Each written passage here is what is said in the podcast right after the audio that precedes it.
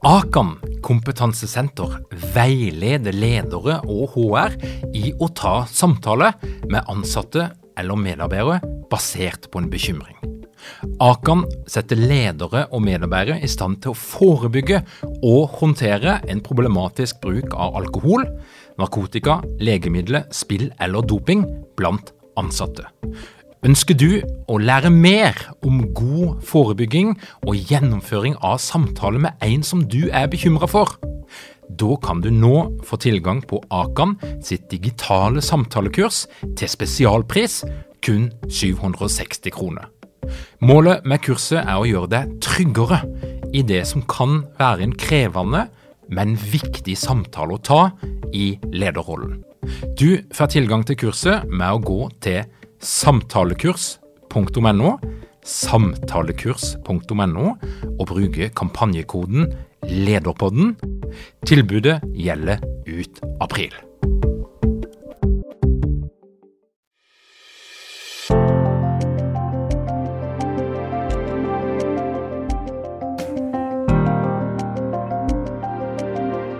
Velkommen til Lederpodden. Dette her er en podkast om ledelse for deg som er interessert i ledelse eller ønsker inspirasjon i ditt eget lederskap. Denne podkasten som du hører på nå, den ble spilt inn live med streaming på Facebook. Og Hvis du vil få med deg våre neste streaminger, så er det bare å følge med på vår Facebook-side, facebook.com slash lederpodden. De jeg har fått med meg i studio i dag, det er to superkollegaer. De er opptatt av improvisasjon, de er opptatt av arbeidsglede, de er opptatt av alt det som skaper god samhandling og god kommunikasjon på jobb. Og nå sitter folk litt rundt forbi. En god del er på jobb og har en ganske krevende jobb akkurat nå. Noen er faktisk dimittert eller permittert fra jobb. Og så er det noen som tar veldig mye plass i offentligheten. Det er de med hjemmekontor. Og Det dannes jo et lite bilde her av at alle sitter på hjemmekontor. Men det er selvfølgelig bare skravleklassen som som vanlig tar veldig mye plass i aviser og overalt.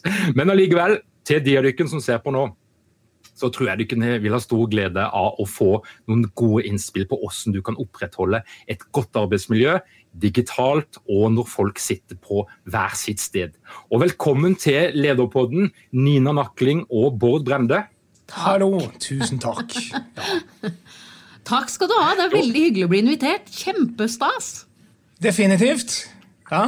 Det, det, må jo si, det er første gang jeg har et sånn tohoda troll i studio.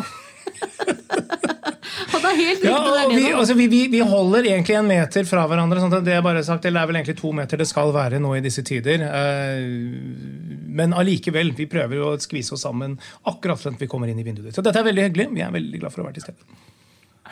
Dykken to er jo da to superkollegaer som jobber sammen, og dykken har utvikla et konsept, vil jeg kalle det for. En greie som da heter Superkollega.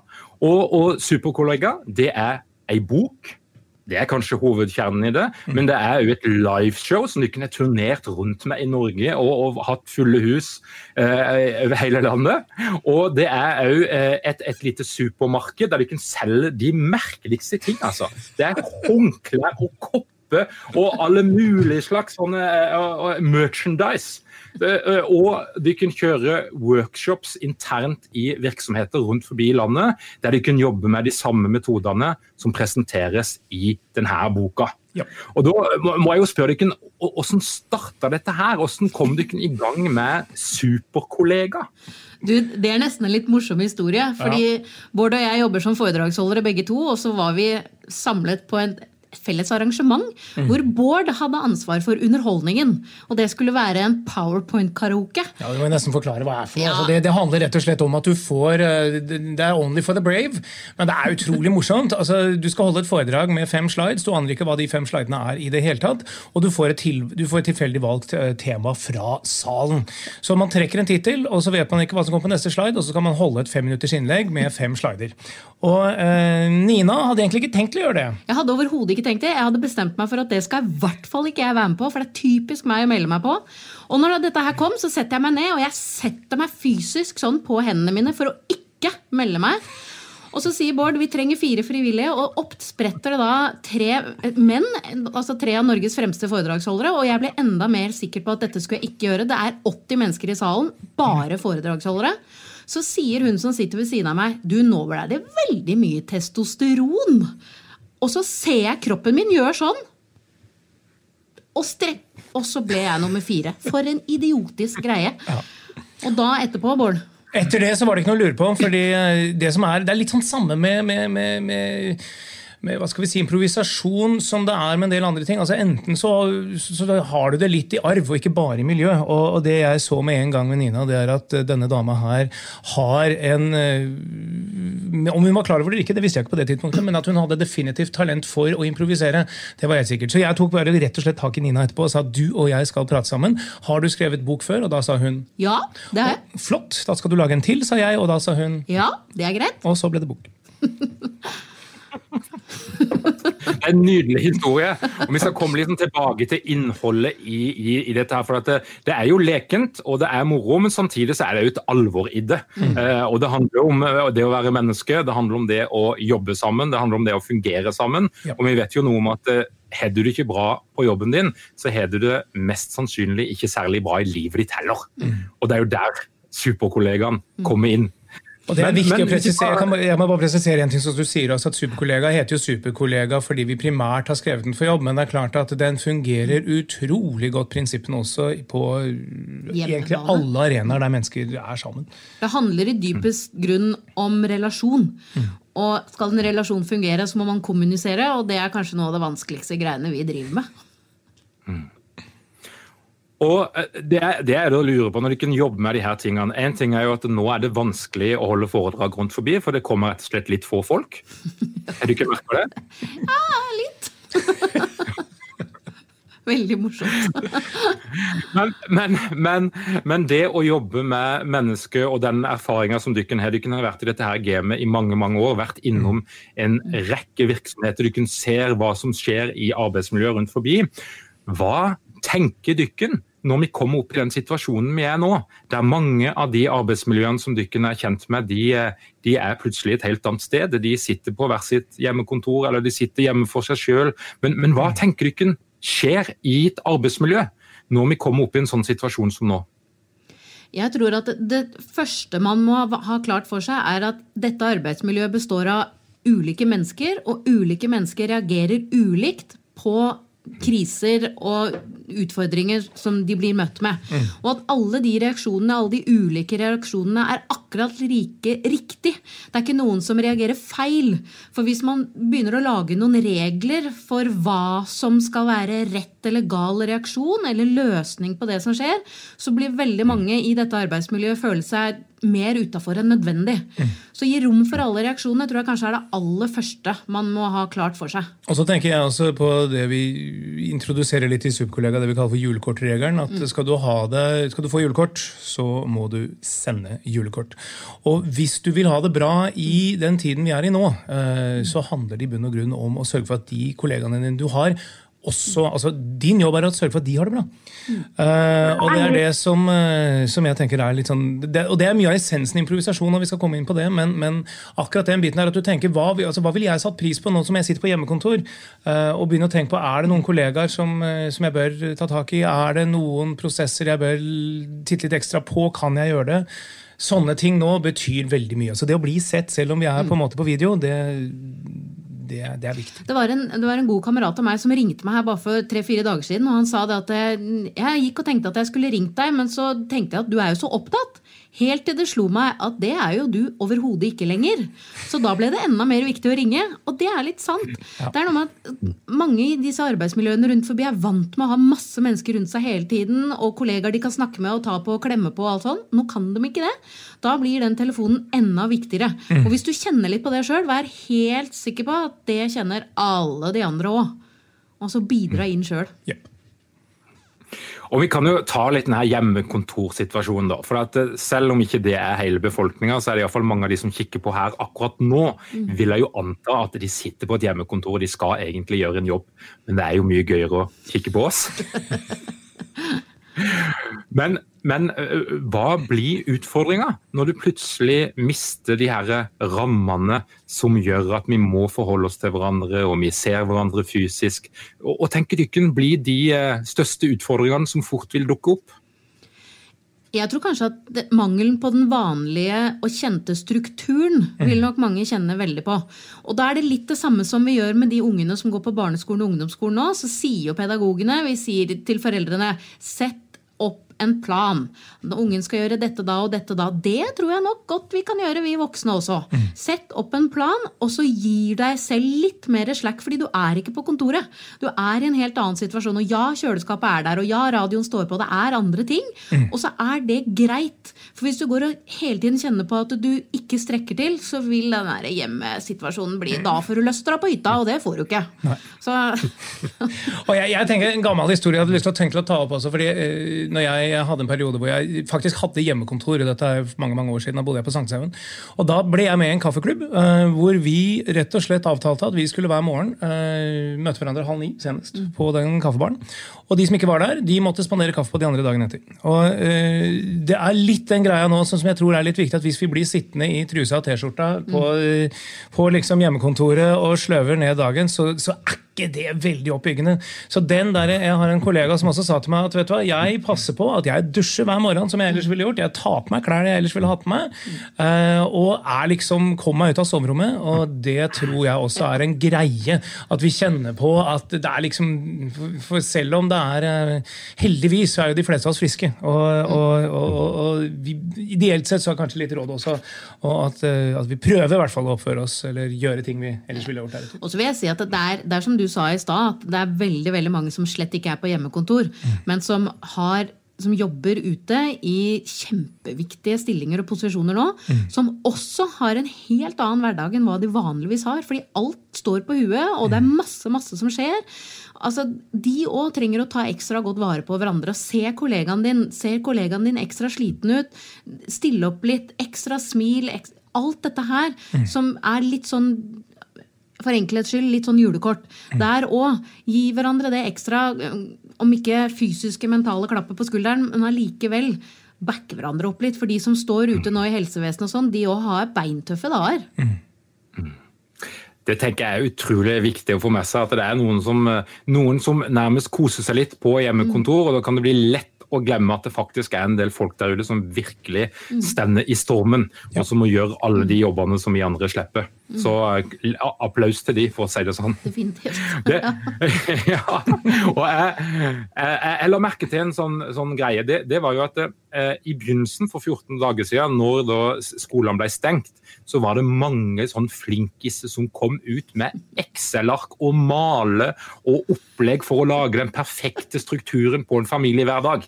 Med sånn nytt opplegg hver halvtime, og du skal produsere ditt og du skal lære datt. og Det, er, det var helt nydelig. Mm. Og, eh, eh, og, og, da var det noen av oss som ble litt matte og følte oss litt utilstrekkelige og tenkte at det, det, det, OK, jeg skal prøve. Og så opplever du at det sklir jo ut ganske fort. da det er få som er rigga for å klare sånne strukturer, spesielt når du har små barn. Og nå er jeg veldig glad, for nå begynner jeg å se at det begynner å komme litt mer sånn kaosbilde.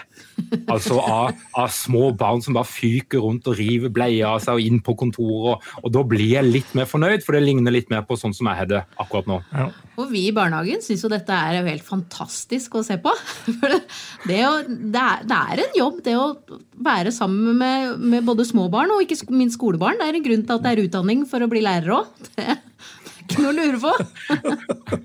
ja, det tenker jeg er så viktig at nå, nå er det faktisk ei yrkesgruppe som virkelig blir, blir, verdsatt. Og mange kjenner på at det, det der er en krevende jobb. Hørt. Mm.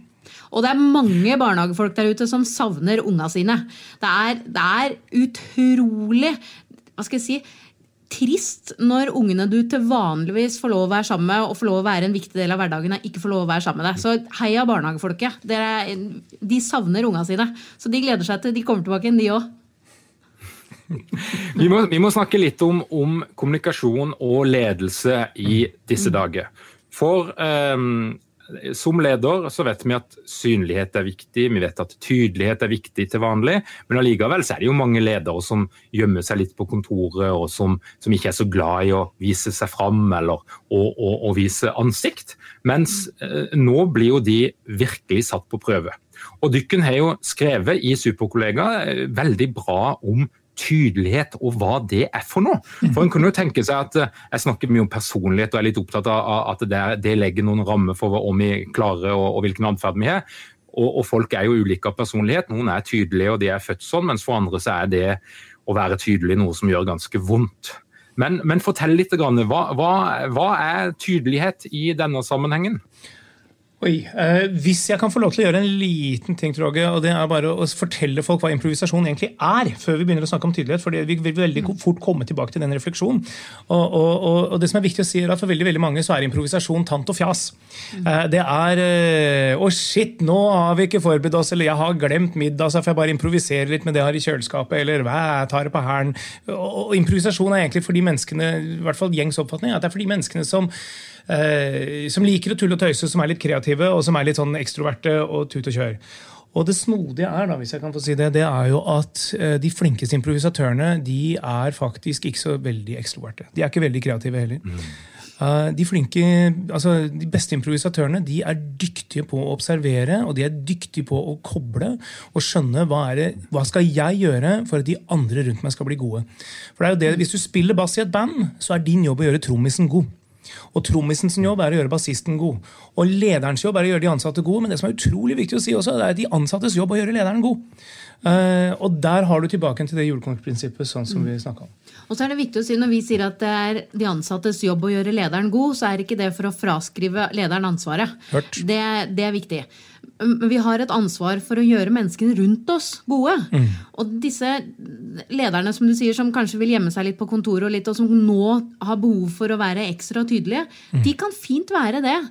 Og det er ikke sånn at du må være født til å være tydelig. For veldig ofte så blir dette med tydelighet miksa litt med det å være krass og skarp. Mm. Og det tenker vi at det er ikke det samme i det hele tatt. Det handler om å si det som det er være helt presis i den kommunikasjonen du gir. Og kanskje aller mest nå i disse krisesituasjonene så kan vi ikke drive med sånn rundomsnakk og omtrentligheter.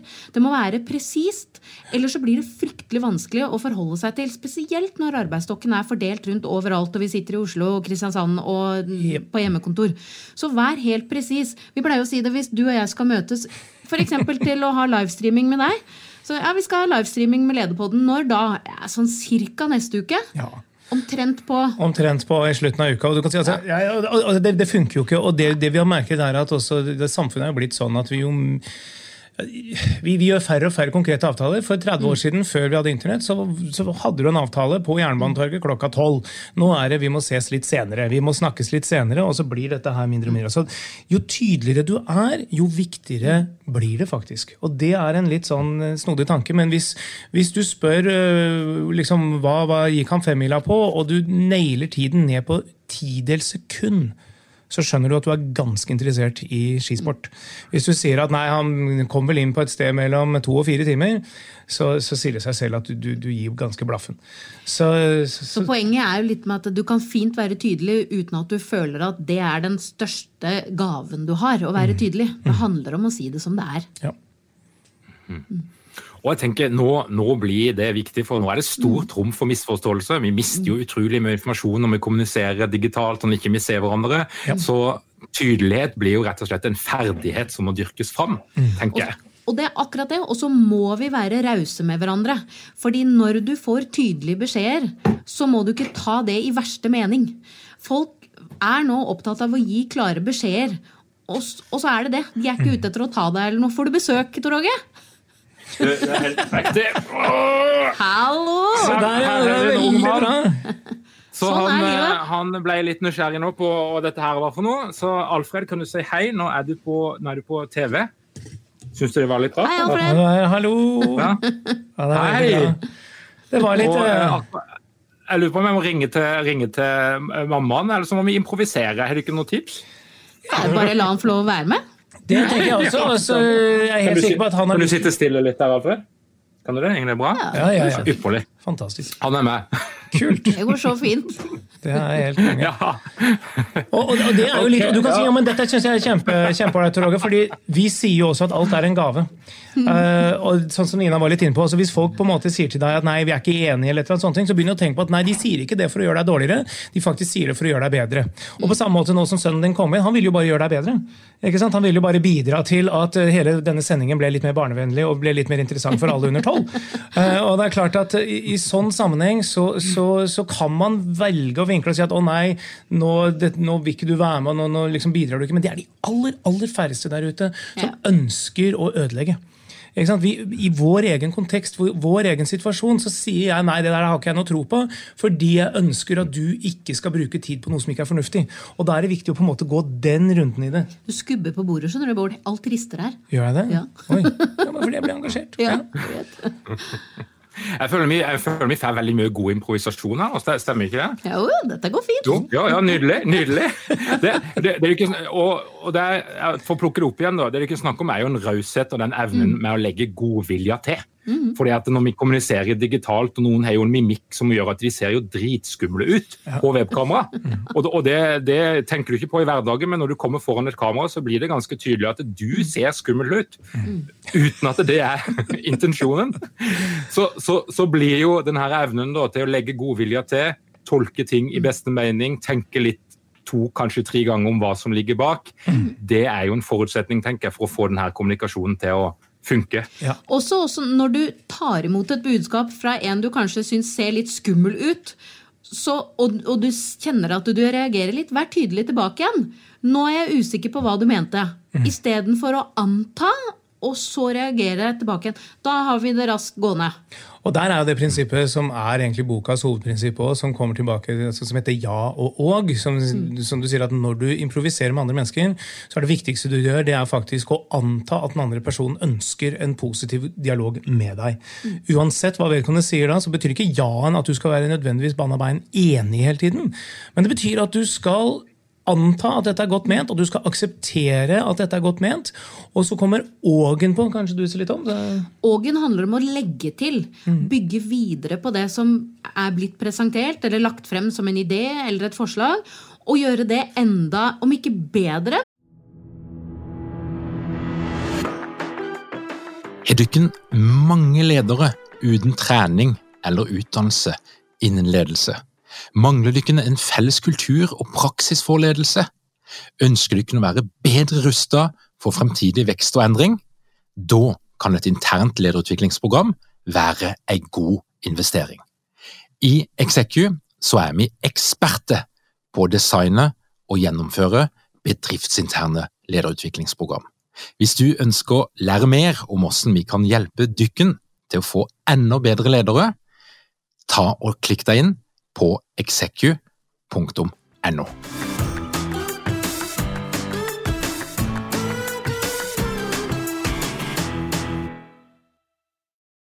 altså bygge det ut. Og når du gjør det mange nok ganger, så vil det til slutt bli bedre enn det aller første forslaget. Ja. Men det må igjen gjøres med god intensjon, da. Det er viktig ja. å si. En god intensjon, og mm. ville den andre vel. Ja. Og, og vi, hvis vi får lov, Roger, så har jeg jo bare lyst til å oppfordre alle de som hører på og ser på, og sånne ting, til å gjøre, om de skal liksom gjøre én liten øvelse. For det er klart, både Nina og jeg er jo veldig glad i show, don't tell. Uh, og, og, er det én øvelse som man veldig gjerne må gjøre hjemme, så er det bare å utforske uh, den følgende lille biten. At man har en dialog der en person kommer med et forslag og sier at la oss finne på noe med familien i kveld. Ikke sant? Og, eh, og, deretter begynne hver eneste setning i dialogen med 'ja, komma, men'. Altså litt sånn sånn, Nina, la oss, eh, la oss finne på noe gøy i kveld. Ja, men jeg kjenner at jeg er litt sliten etter å ha hatt så mye med sønnen min nå i løpet av dagen. Ja, men altså, sønnen din kan du jo kanskje Ja, men så var det egentlig din tur til han, og så ble vi ikke Vi gjorde ikke det vi ble enige om. Sånn snakker vi til hverdags. ikke sant? Altså, vi, vi finner, og, og, Hvis vi da bytter om til ja-ågen, så, eh, så vil samtalen bli en litt annen. Så hvis vi sier at Nina, la oss finne på noe gøy i kveld. Ja, og du, og så kan vi legge bort den siste timen på hjemmekontoret, for den kan vi ta igjen i morgen. Da blir det gøy. Ja, og så kan vi faktisk se om det er noen andre venner vi kan snakke med på lenge som har lyst til å være med. Ja, og du, jeg har funnet en sånn fin app som heter Zoom. Den kan vi, skal vi invitere mer folk med. Ja, da, og da kan vi jo være opptil ti mennesker. Ja, og så jekker vi en vin. Nå snakker vi. Så forskjellen på ja, men og ja og, bare det lille ordbyttet, er egentlig en, en, stor game changer. Og vi opplever, og kanskje også uten at jeg skjærer alle over en kam, men litt i norsk kultur, at ja, men er mer standardsvaret enn ja, og. Fordi vi ønsker å uh, være realister. Vi ønsker å, å uh, sørge for at ting blir bra. Uh, og det er klart, som du sier, at Den ja og-en her den eskalerer veldig mye fortere enn ja, men. Det blir mye dyrere med ja og enn med ja, men. Eh, men det som også er viktig, er å si at hvis med ja og-en, så merker du kanskje også på stemningen oss imellom at vi ble mye mer gira. Vi hadde mye mer moro sammen, og det er litt av poenget med Superkollega også. Ja, og så er det viktig å si at man trenger ikke la det eskalere helt i hundre. For det kan hende at man etter tre sånne frem og tilbake, så har man kommet fram til det man har lyst til å gjøre i ettermiddag. Sånn at det er ikke om å gjøre at det skal bli sykest mulig og villest mulig og dyrest mulig. Helt riktig. Men det bare skaper en hyggeligere kommunikasjonsform. Riktig. Og vi føler oss jo mer anerkjent, mer sett, mer respektert, mer verdsatt når vi får et ja og. Mm. Det, det, er ganske automatisk at piggene gjenger ut, eller at vi føler oss litt sånn eh, mindreverdige i det dette her er ja, men, eller enda verre nei, men. Ja, ja, det er jo det er bare nei! Ja. Uh, og, og det, det, som også er litt viktig å si, da, det er at dette her er ikke noe du kan gjøre aleine. På samme måte som hvis du, liksom, hvis du sender julekort og ikke får ingen tilbake igjen, så, så, så stopper du å sende julekort. Uh, og Det er litt sånn samme biten med ja og gå. Det er viktig å informere kollegaene og si at vet du hva, nå har vi veldig lyst til å bygge denne relasjonen oss bedre. Så begge parter må på en måte være litt med på notene. At nå, nå, nå tester vi det, og det er klart at etter hvert som du har sagt ja og noen ganger, så trenger du ikke nødvendigvis å si ja og i begynnelsen av hver setning, men du begynner å få den innstillingen. Mm. Og, og, det er den innstillingen som, som, som virkelig bygger kultur. Og, og, og, som gjør at folk har det bra og blir sett. og Det er derfor det vi kjemper så mye for dette. Det er virkelig stort da når ja og blir et verb. Bård og jeg, når vi snakker sammen, så sier vi ja, men vi tar og ja år ja. det. Det og ja og nå er blitt Kan du begge det og ja og ja, ja Nei, jeg kan ikke det. Jeg har fri. Tor Åger, faktisk. Tor Åger, ja. Sånn er det. Ja, det er bra.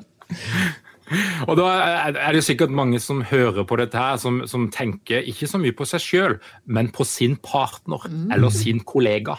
Og så får de veldig lyst til å gi et lite hint. Og da må, jeg jo, eh, da må jeg jo reklamere med at det er mulig å gå inn på superkollega.no, så kan du kjøpe merchandise i 40 forskjellige versjoner hvis du ønsker å gi et lite forsiktig innspill til at det kanskje litt mer mm. ja og. Du kan til og med få en dørmatte med ja og, så du kan hoppe og trampe på den hvis du mener mener alvor. Altså. Det er helt riktig. Ja, og så må jeg si at Et triks også er jo å starte selv. Ja. Det, det, er, ja, det er litt verre. Det er litt verre. Men, det, for Dette handler jo ikke om at du ønsker å endre andre. Det er altså veldig viktig å si. Du ønsker jo å, å gå i dialog og kjenne på at du vil prøve ut ifra dine forutsetninger å gjøre fellesskapet bedre. Mm. Og ja, ågen betyr ikke noen sånne store, vidløftige forslag hvor du liksom må egentlig tenkt deg om i Det handler om de bitte små tinga. Ja og. Så andre øvelser som vi pleier å gjøre med folk, er jo ett ord av gangen, bare.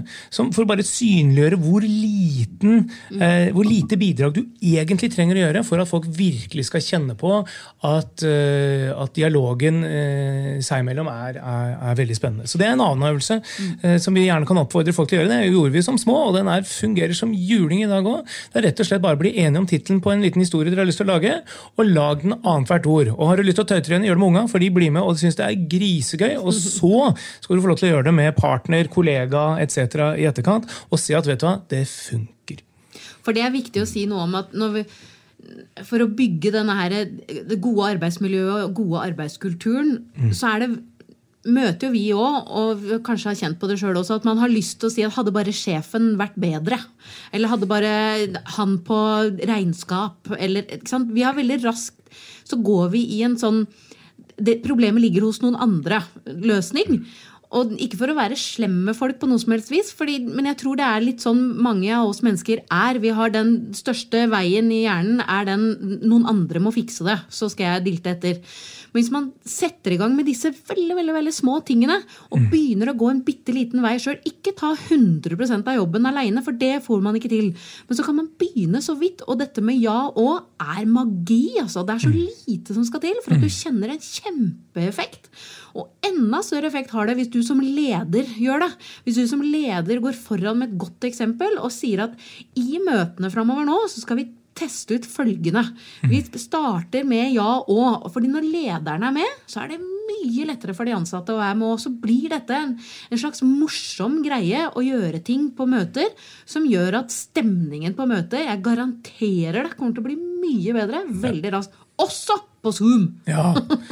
Og så, nå, nå, prater vi mye, Tor August, du får bare bryte oss ja. av. Altså, men, men uh, det, som, det, som, er så viktig å si her også, er at uh, ja og og improvisasjonen som vi snakker om nå, er et verktøy for reisen. Uh, du må vite hvor du er, og du må vite hvor du skal. Så, så, så, så vår varmeanbefaling, nesten uansett hvilken samtale du har, om det er et møte eller om det er en, en, en, en samtale med partneren din, det er egentlig å bli enige om hva er hensikten med det vi gjør nå. Altså, på samme måte som vi pleier å si gode møter med en agenda, så er det litt sånn hva er det vi ønsker å finne ut av? For i det øyeblikket vi er enige om at vi skal fra A til B, så er ja Ågen den aller aller beste måten å gjøre det på. Veldig vanlig er at vi, vi planlegger alt oppi huet sjæl først. Og så tenker vi mm, sånn vi hadde, sånn vi hadde, sånn vi hadde. sånn vi hadde. Og det vi glemmer da, er at de er ikke i huet til de andre. De har andre kompetanseområder, de har andre erfaringer, de har andre bidrag som de kan komme inn med. Og vi tenker veldig veldig ofte at jeg har fasit, min løsning er best. Eh, og så går vi inn i møtet, og så blir vi litt skuffa, for de andre skjønner ikke hva vi mener, eller er ikke med på notene. Og så blir det et kompromiss, og så blir vi litt sånn og så mister vi litt, og så blir det litt ja, men, og kanskje til og med nei, men. Så, så, så det at man skal tenke at vet du hva, skru på nysgjerrigheten Det er ikke nødvendig å gå inn i møtet eller dialogen med en fiks ferdig løsning. Vit hvor vi skal, og så ja-åger vi hverandre gjennom der. Det er, det er en fin anbefaling i disse dager på video eller uansett. Tusen takk. Og, det, og, og, dette her er jo jeg helt nydelig. for Du kan, du kan, uh, du kan skrive noe om superkollegaen. og Det er jo òg en person som tar initiativ. Mm. Og som er proaktiv, og som ikke sitter og venter på at det, det er jo ingen som inviterte meg, eller hvorfor ikke jeg fått noen invitasjon, eller jeg så ikke den plakaten om julebord som hang i kantina. Det er ingen som har spurt meg, nei, da vil jeg ikke komme på julebordet når det skal være sånn. Mm. Det, og, og jeg tenker jo akkurat nå, når folk ikke ser hverandre fysisk, så blir jo nettopp dette her initiativet, den proaktiviteten. Yes. Det å sjøl komme på banen istedenfor å sitte og vente på at noen andre skal gjøre det, og tolke det i verste mening. Mm. Der, ja, ja, Nei, jeg sier at De som kjenner meg og har vært øh, og sett meg på scenen, vet at det er et uttrykk jeg hater mer enn noe annet. Og det er uttrykket 'veien blir til mens man går'. For meg så er det 'veien blir til hvis du går'. Du er, og det handler om det initiativet. Du er nødt til å ta det ene skrittet. For hvis vi alle skal gå og vente på at noen andre skal ta det første skrittet, så kommer vi ingen vei, noen av oss. Sånn at det der med å Du skal ikke gjøre alt. Men hvis du har lyst på gode kollegaer, så må du bli en sjøl. Har du lyst på gode naboer, så bli en god nabo, så får du gode naboer. Så det, Mm. Gjør den bitte, bitte lille tingen. Har du lyst til at kollegaene skal ringe deg, ring noen kollegaer sjøl. Mm. Har du lyst til at møtene på Zoom skal inneholde to minutter med dagens morsomhet, inviter deg selv til å gi dagens morsomhet, mm. og spre det videre. Og, og, og så sier folk ja, men alle kan ikke være sånn, og alle har ikke så mye kreativitet. Nei, men det er jo ikke poenget heller. Det skal jo ikke være likt. Så vi må, vi må, våge litt mer, tror jeg. Ja. Rett og slett. Helt enig. Og, du kan si, når, jeg, har jo, øh, jeg har stått på scenen mange mange hundre ganger i forbindelse med teatersport, som er jo da selvfølgelig en del av improvisasjon. og Det, det er litt viktig å si også. Du kan ikke, altså Skal du improvisere noe, være flink til noe, så pleier vi å si at du må kunne ferdigheten i seg selv. altså Det er ikke noe vits å prøve å improvisere på piano hvis du aldri har spilt piano. Og heller, det er ikke noe vits å improvisere på kjøkkenet hvis du aldri har laget mat. Uh, men det vi har gjort, det er at vi har levd, og vi har jobba, og vi har vært sammen. og vi har holdt på. Så vi har grunnlaget til å egentlig bare putte improvisasjonen i gang i de livene vi har, i de situasjonene vi er. For alt handler jo om kommunikasjon. Mm. Så, uh, så, så, så, det er litt viktig for meg å, å si at du, du må liksom ikke det er ikke noe sånn at 'å nei, og dette er ikke for meg, fordi da må jeg øve, og jeg har ikke tid', og så videre, Den improvisasjonen handler sånn som Nina sier, det er egentlig bare å våkne opp og prøve å gjøre den andre personen god. Mm. Og ikke minst passe på en ting til. Vi er ikke like. Altså, jobben som deg er tatt av deg. Så, uh, så, så, det som er viktig her også, Vi pleier å si uh, et engelsk uttrykk som, i improvisasjon som heter 'don't be another grandmother'. og Det betyr jo egentlig at veldig veldig mange improvisasjonsteaterscener begynner med at en person kommer inn på scenen litt utrygg. og en bestemor. Og, og, og, da pleier vi å si ikke gå inn som bestemor nummer to. Fordi det du gjør da, er å gjøre bestemor dårlig. Fordi da blir det en konkurranse om hvem som er beste bestemoren. Det du heller skal gjøre, er å tenke hva trenger bestemor for å stå fram som en god karakter på scenen? Da trenger hun veldig ofte et barnebarn. Eller en bikkje. Eller hva det måtte være. ikke sant? Mm. Og det er jobben vår i livet òg. Ikke prøv å ta plassen til andre. Ikke prøv å liksom, kopiere kollegaer og gjøre det samme som de. og sånne ting.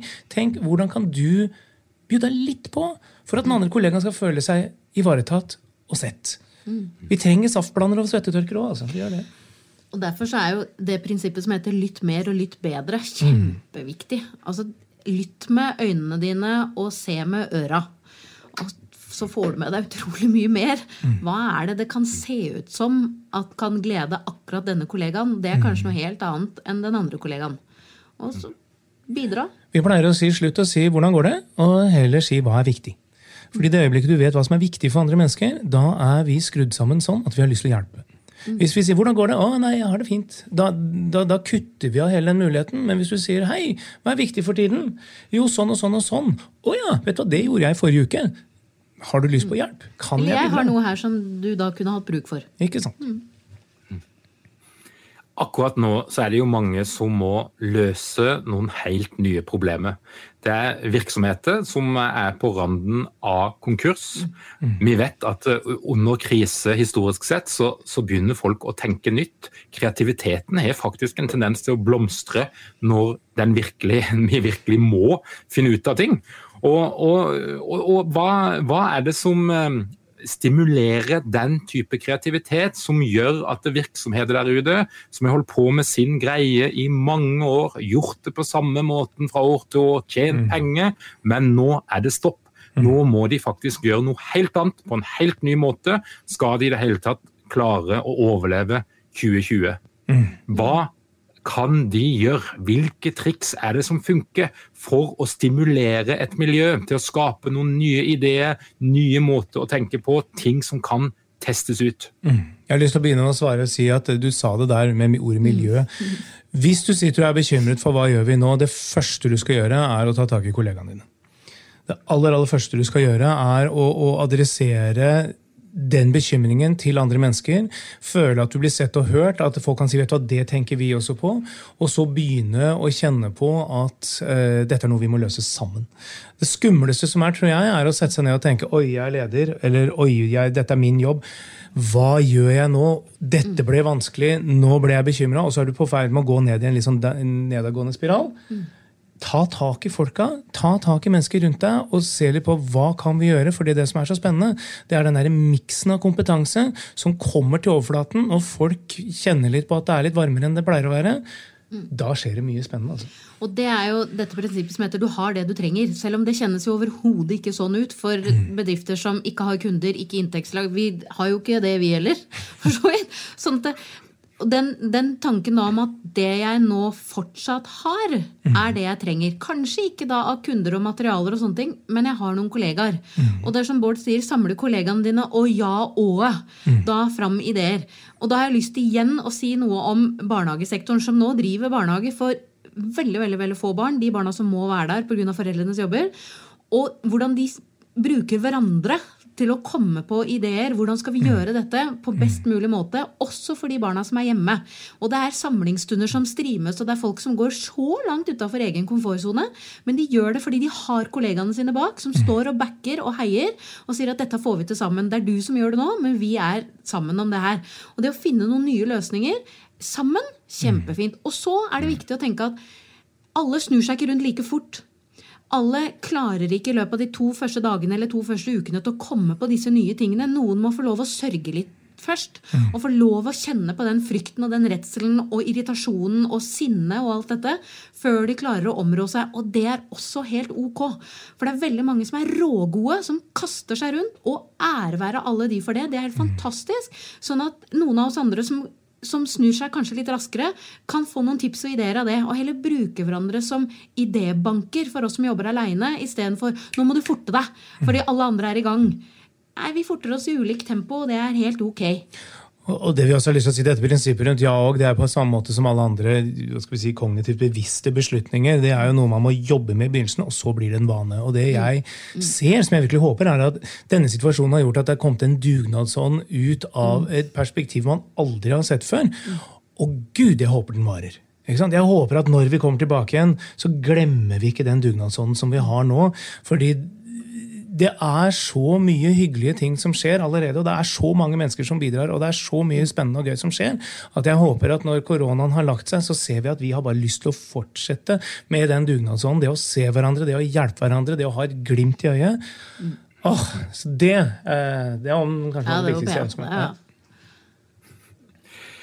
Nå skal vi ta oss og koke det ned litt, for nå sitter det jo kollegaer der ute som kanskje har lyst til å begynne å eksperimentere litt med å mm. bli en superkollega. Jeg vet at det er eh, ledere som hører på denne podkasten, som lurer litt på om de er en superkollega sjøl, mm. eller kanskje de har litt å gå på. Og så er det jo sånn, tenker jeg, at eh, ledere kan ikke gjøre hele jobben, men det er en del ledere som er i posisjon til å legge til rette mm. for at det er mulig å mm. bli en superkollega i organisasjonen og i den krisa som jeg er midt oppi nå. Mm. Kan ikke dere to bare gi noen sånn korte, oppsummerte råd til både ledere og kollegaer som har lyst til å oppgradere sitt medarbeiderskap til superklassen? Da har jeg lyst til å først si noe om det at det, det er utrolig mange supre kollegaer der ute. For det er forskjell på å være en superkollega og en superkollega. Sånn at det er mange folk som gjør jobben sin helt suverent. Det skal vi fortsette med. Og så handler det om å være på lag og gjøre hverandre gode. Så Det er kanskje det viktigste tipset. Det er å bestemme seg for at jeg skal nå være med på å gjøre de andre gode. Hvis alle på jobben gjør det, så har det allerede tatt syv steg framover. Helt enig. Og ikke minst ikke glemme at i kompetansebegrepet så ligger kunnskaper og ferdigheter, men også holdninger. Mm. Og eh, Hvis ikke du har holdningen om at du ønsker å samhandle med kollegaene dine, så går du så glipp av så utrolig mye. Så til ledere og kollegaer der ute så tenker jeg nysgjerrighet på. Mm. Eh, lytting på. Uh, dere vet veldig godt hva som er viktig i den tiden. her. Vi sliter økonomisk, vi sliter med, med potensielle kunder som, som, som, setter ting på vent, eller i verste fall kansellerer. Og det da å se på hva er det viktigste vi får til nå, og heller bare begynne å se ok, hvordan kan vi, brick by brick, ta én setning av gangen, ett poeng av gangen, og begynne å bygge dette sånn at alle får et felles eierskap, fordi det betyr så innmari mye når vi skal begynne å utføre i etterkant, vi, etter at vi er ferdig med å planlegge, at folk har hatt eierskapet. Og nå har vi anledning til å ta en timeout, til å få et fugleperspektiv og begynne å jobbe litt mer forankra enn det vi kanskje har hatt tid til ellers. Ja, så det, er, så det er dette her med å faktisk ville gjøre mm. hverandre gode. Ha en holdning om at vi gjør det med godt hjerte, og så er det vilje til handling. Ett mm. skritt fram. Mm. Sett i gang. Ikke sitt og vent på det. Mm. Ett skritt fram. Og det trenger ikke være så stort, men Nei. ett skritt. Og i, i, i, tjenesteutvikling og sånne ting så er det et begrep som jeg liker godt, som heter uh, shitty first draft. Altså Hvis du ikke er flau over det første resultatet du presenterte til andre mennesker, så presenterte du altfor seint. Så begynn å lage ting med uh, holdt jeg på å si, blyant på papir. Og send det til kollegaene og si vet du hva, dette er initielle tanker. Ikke send ting som er ferdig. Ikke send powerpointer på 20 slides og dekk. og se her har jeg laget ting. For det folk merker da, er at det er for vanskelig å komme inn i ting. Det er for mye jobb å sette seg inn i alle de detaljene. Begynn heller på skissenivå. Crappy first draft. Send det ut for det det er og begynn å jobbe eh, så tidlig som mulig sammen med andre mennesker, istedenfor å sitte og, og, og, gjøre jobben aleine på bakrommet. Nina Makling, Bård Brende, tusen takk for at dykken kom til Lederpodden. Takk for at du fikk komme. I like måte. Dette var veldig, veldig hyggelig. Det var avslutningen, var det ikke det? Ja, nesten. Bare en liten sånn signatur til slutt. Ja. Du har nå hørt på Lederpodden. Hvis du ønsker å lære mer om kriseledelse for å stå rusta i den situasjonen vi nå er oppe i, så har vi lagt ut gratis webinarer, podkaster, artikler og en rekke andre ressurser på vår webside skageike.no. Ønsker du å se denne podkasten med levende bilde, så er det bare å gå inn på skageike.no eller lederpodden.no, så blir alt lagt ut i løpet av uka.